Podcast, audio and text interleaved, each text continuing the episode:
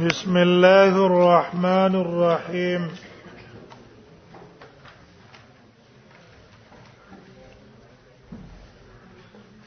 وقت د فرضیت د زکات څو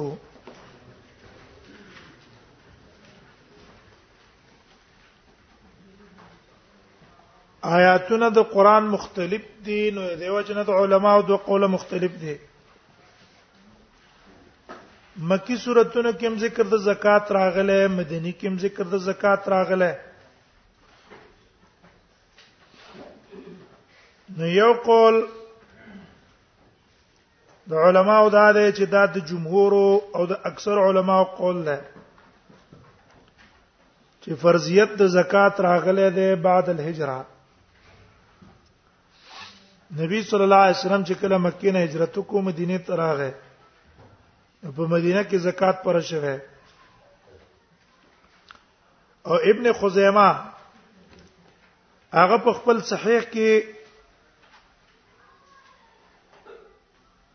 یو قول نقل کړه چې نا فرضیت د دې زکات قبل الهجرت ته چې دا د هجرت نمک کې فرض شوه او استدلال کړی دی د دې د پاره په حدیث د ام سلمہ چې په حدیث کې قصه د هجرت دا غیو ذکر د حبش وتا چې موږ حبش ته هجرت وکړو او پای کې دا دی چې جعفر ابن ابي طالب نه چې کله جاشي ته پوس وکړو چې دا محمد رسول الله صلی الله علیه وسلم تاسو ته کومې خبره ته دعوت درکړي جعفر ابن ابي طالب تو ویلا نجاشی ته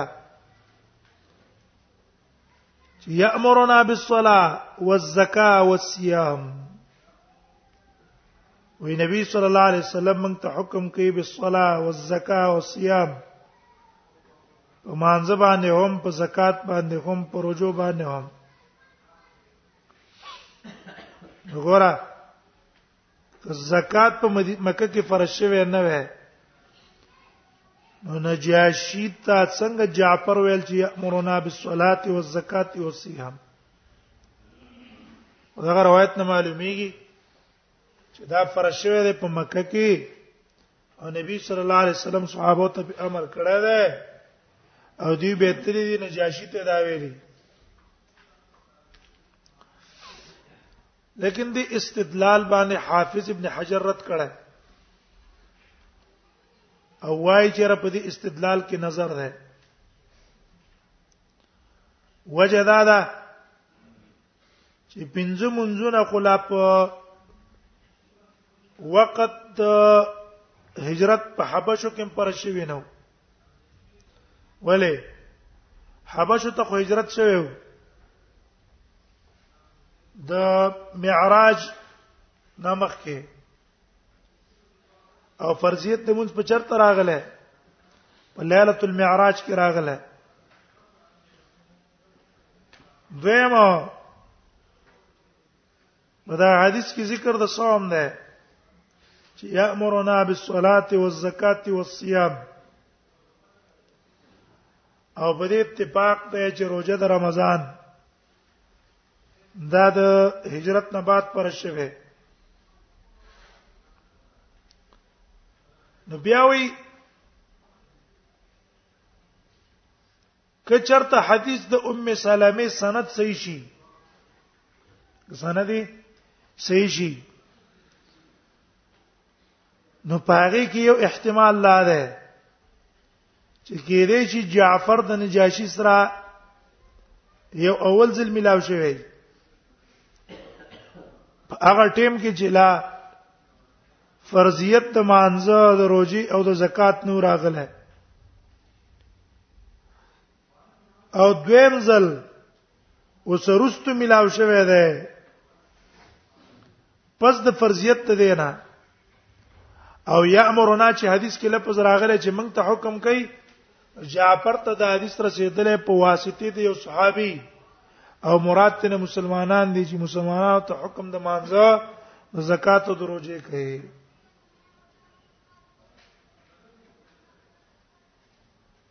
نو صلات نه مراد کوم مونږ فرضي مونږه او د زکات نه زکات پرځي شو او د صوم نه صوم پرځي مراد شو لیکن دا په اول ملاقات کې دا خبره نه کړې بلکې بیا څه زمانہ بعد بیا جعفر د نجاشي سره څه شوی دی نجاشي سره ملاو شوی دی او نجاشي ته تپوس کړی دی جعفر ته ویلي چې دا دا خبره مونږ ته کوي ٹھیک شو ست باندې ورسېدای او اولنې ملاقات نه ده ځکه اولنې ملاقات کې فرضیت د مون نه راغله د روزې نه راغله نو زکات خو په طریقې ولا نه راغله دویم جواب دا کوي چې هغه ظاهرم ده چې نه دا اولنې ملاقات ته او دا ملاقات په ابتدا کې او قبل هجرت النبي صلی الله علیه وسلم ال المدینه او قبل الذهاب الى المعراج خود مانځنه مراد او د زکات نه او د روزو نه مراد څه ده نفس منز ده فل جمله نفس روجی دی فل جمله او نفس صدقه ده فل جمله چې بس نبی صلی الله علیه وسلم ته دا عبادت کوي د الله او پای کې دا نه چې پنځه وخت مونږ ده ځکه پنځه وخت لا پر شوه نه نبی صلی الله علیه وسلم ته روزي حکم کوي چې د الله د پاره روزي نه سي فل جمله غیر د تعین د رمضان نه همدارنګه صدقه ورکوي غیر د تعین نه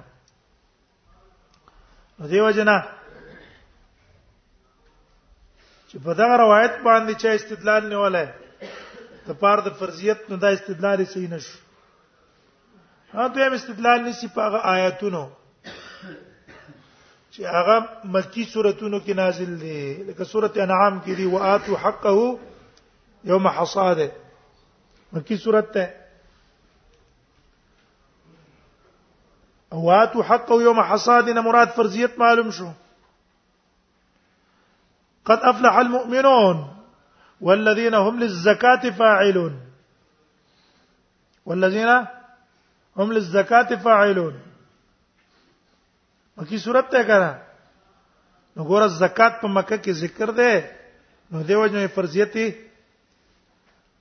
په مکه کې راغله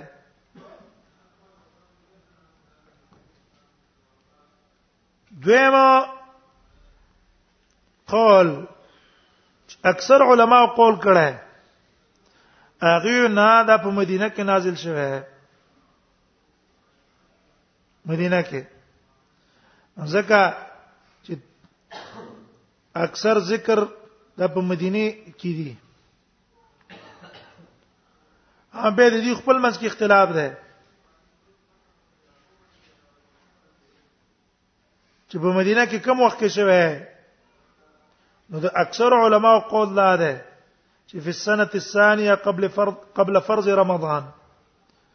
دا به په دویم کال د هجرت فرض شوه ده د رمضان د فرضیت نه مخکې امام نووي دې خبره ته اشاره کړې هغه ته او ابن الاسیر هغه را لګیدل ده په خپل تاریخ کې جزم کړی دی په دې چې نه دا په نهم کال کې فرض شوی دی په نهم کال د هجرت فرض شوی ابن الاسیر په خپل تاریخ کې جزم کړی په دې خبره چې دا په اتم کال کې فرض شوی دی لیکن حافظ ابن حجر وايي په دې قول د ابن الاسیر کې ضعف ده وجدا ده چې د زکات ذکر په حدیث د زمام ابن ثعلبه کې راغله حدیث دا زمام ابن ثعلبه کې ده دارنګه د عبد القیس وفد چې راغله اې دا الله نبی موږ ته حکم وکړه په داسې امر باندې چې نخبر به من وراءنا رستنو کسانو ته خبرم په ورکو او بیننا و بینک کفار مزر وفد عبد القیس کې او دا دواړه زمام او وفد عبد القیس په ابتدا کې راغلي ابتدا د هجرت کې دارنګ ابو سفیان چې هرقل څه خبرې کولې نو فتح د مکې نه مخکې وې کنه نو پاره کوم څه دي پاره کوم دادي چې یا مرنا بالزکات وې موږ ته به حکم په زکات کو او حال دا چې ابو سفیان په کم کال باندې خبرې کړې وم کال باندې دیو جن دا قول ده چې پات نه هم کال فرشوي د زعیب ده ضرب نه خالی نه ده دویم قول دریم قول دا ده چې دا په ابتدا اولنی کال د هجرت باندې فرض شوه ده دا په ابتدایي کال باندې فرض شوه ده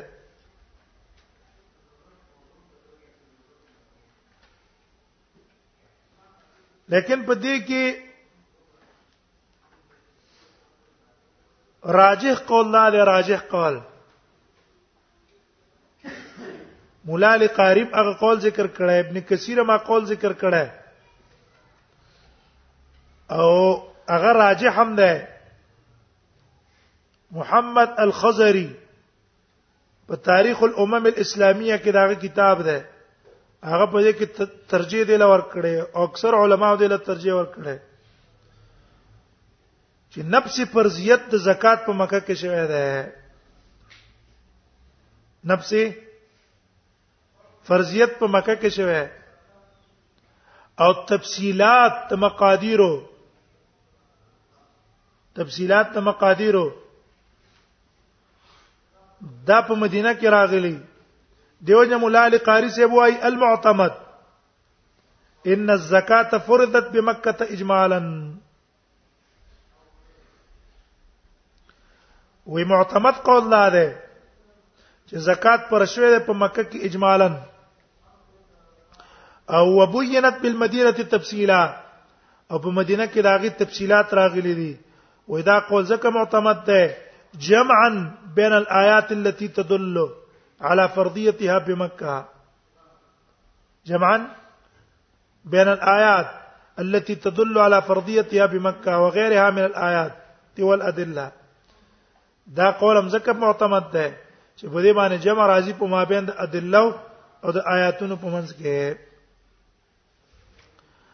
ابن کثیر رحم الله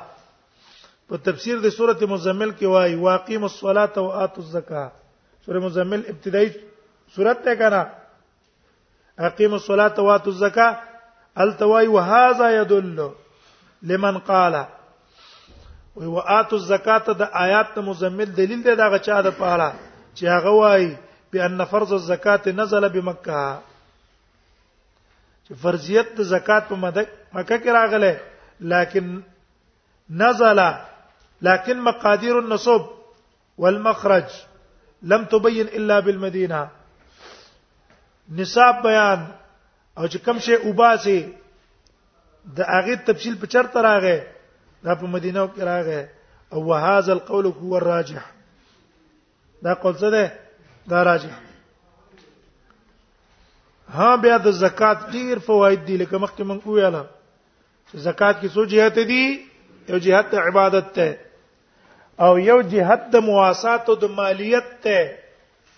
دیو جن هر علماء په خپل خپل جهتونه ذکر کوي په دې کې بیا ډیر فواید دي ډیر اسرار دي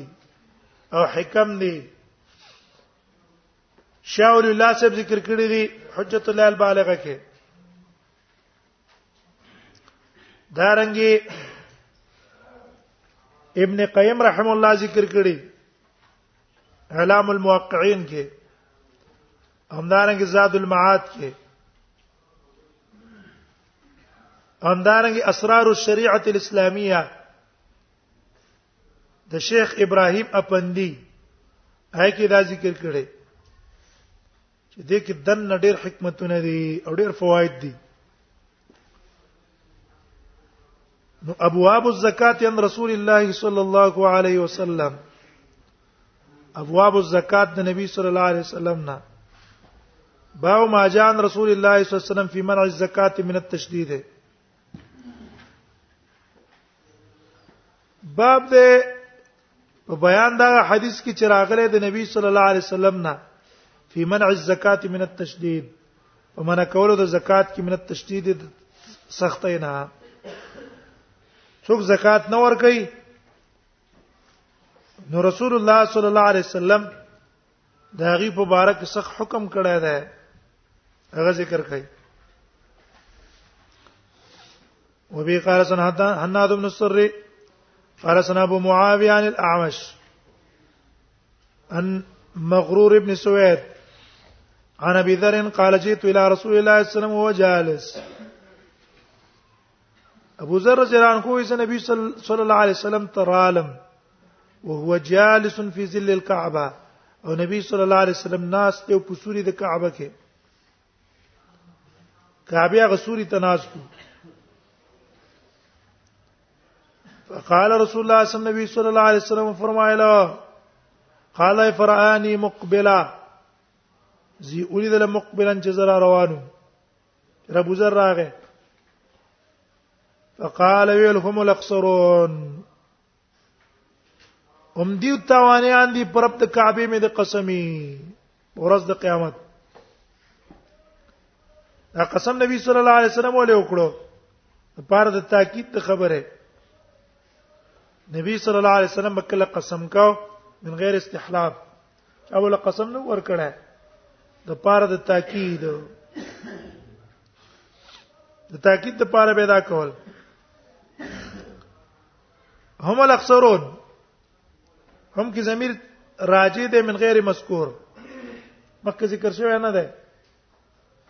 چې دیو تاوانیان دي لیکن رستوی تفسیر راځي چې هم الاکثرون هم الاکثرون چې سره راغله تفسیر راغله ده کنه ځکه زمير هغه تراجه ده قال فقلت ما مالي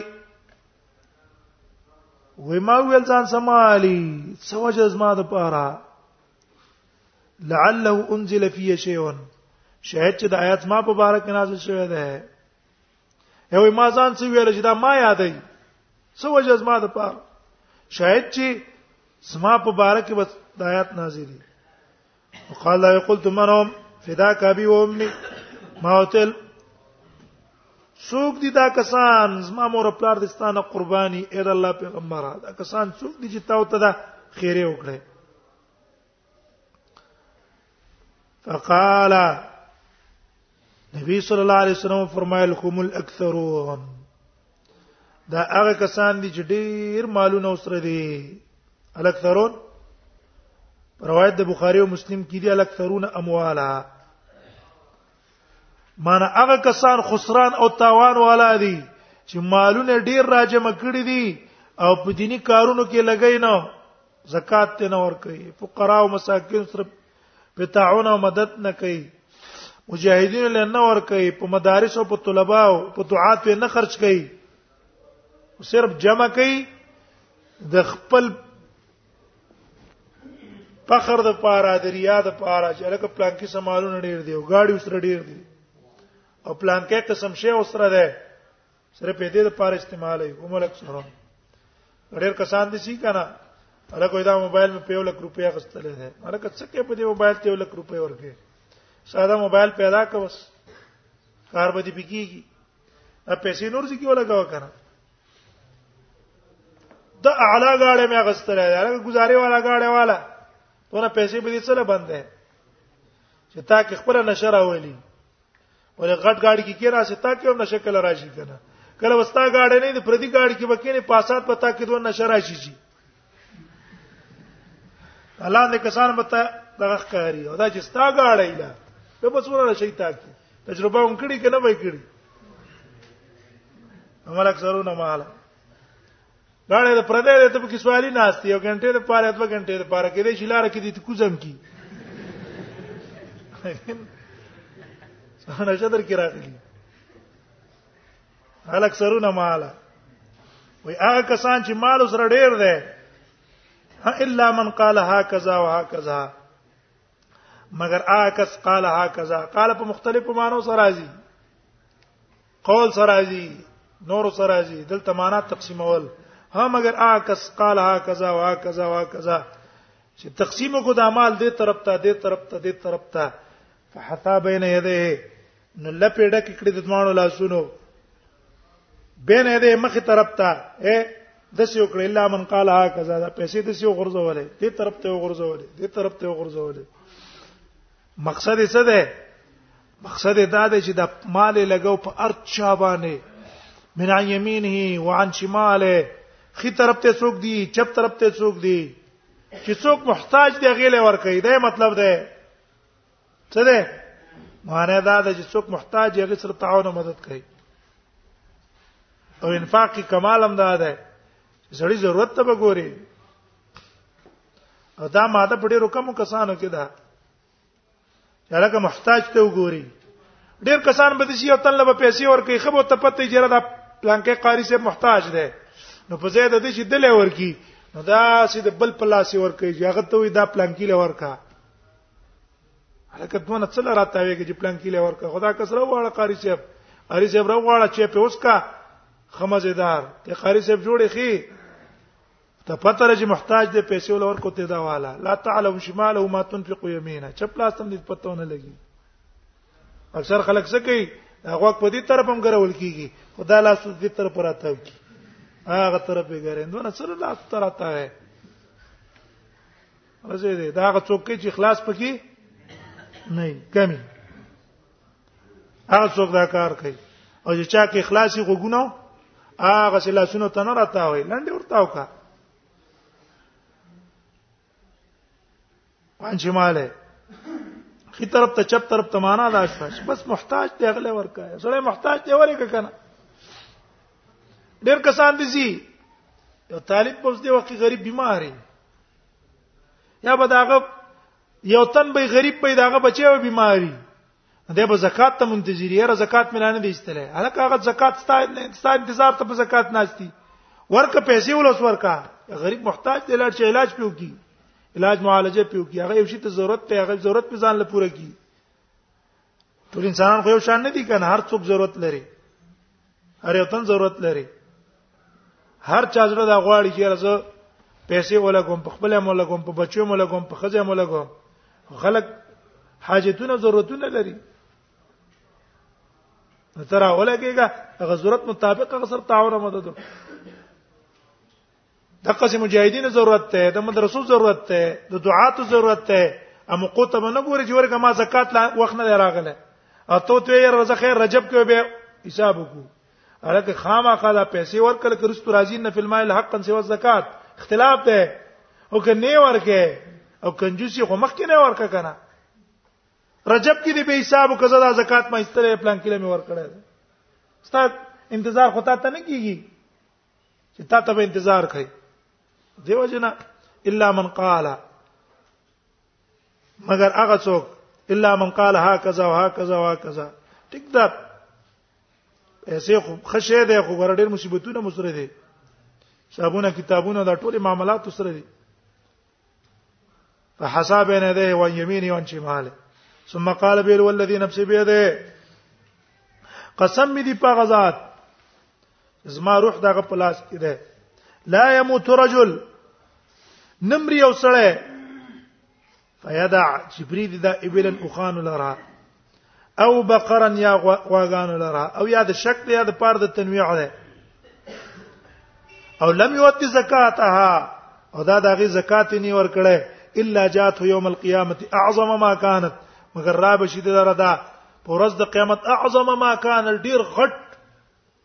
په هغه اوقاتو کې چې دا پکې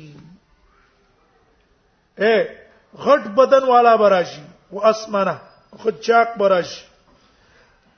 دته و بیا خفافها د قیامت پر ورځ به دا په مالکی په خپل خپو باندې دا به تواچول شي بل واکي فی قرقر ندان کې به واچول شي او دا اوخان چې د دو او دا غواګانې وګړي بزي چې د دوی او زکات ته نه ورکاو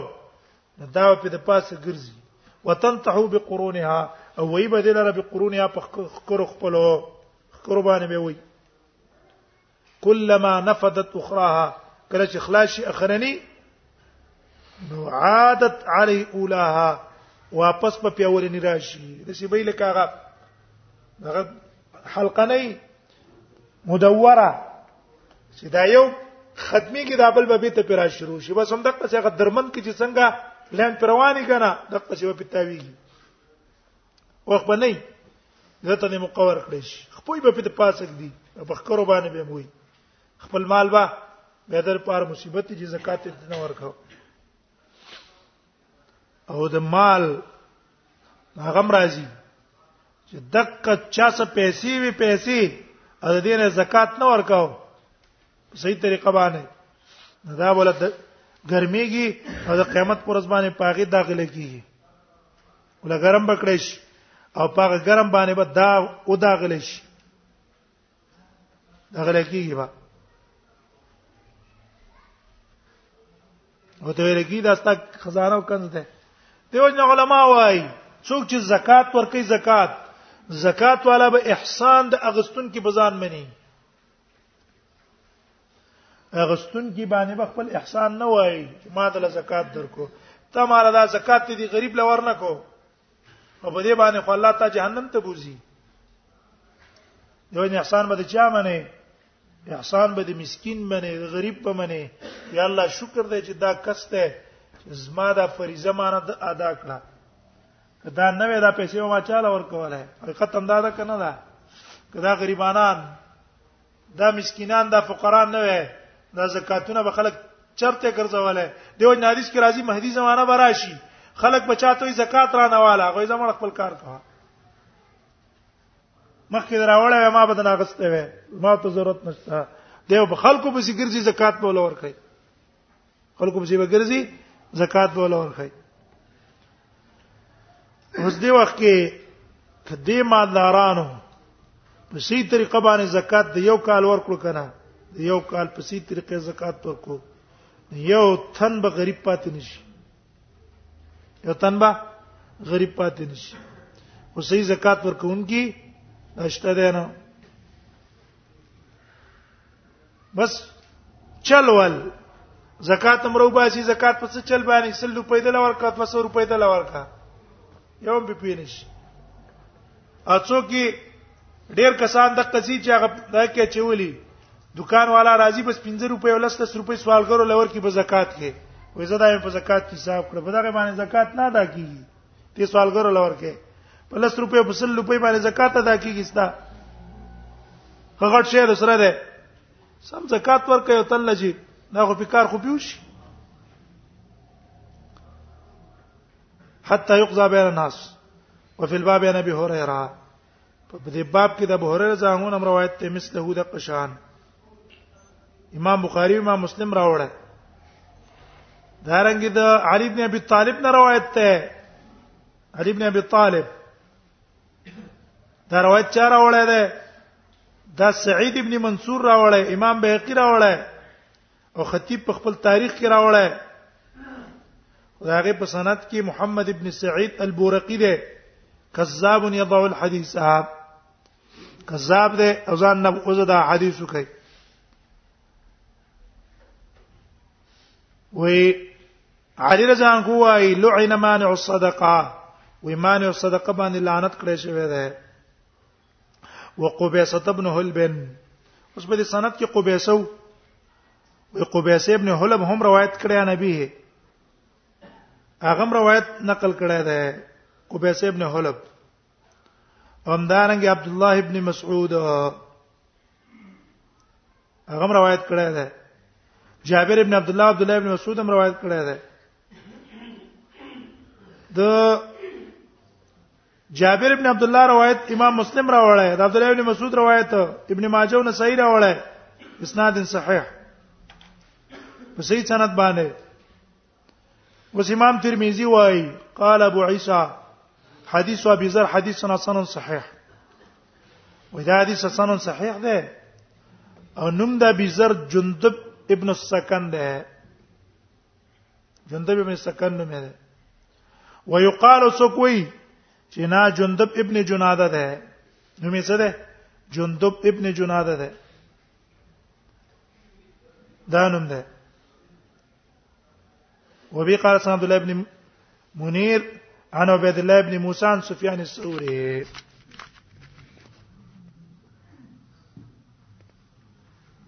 بس بيقول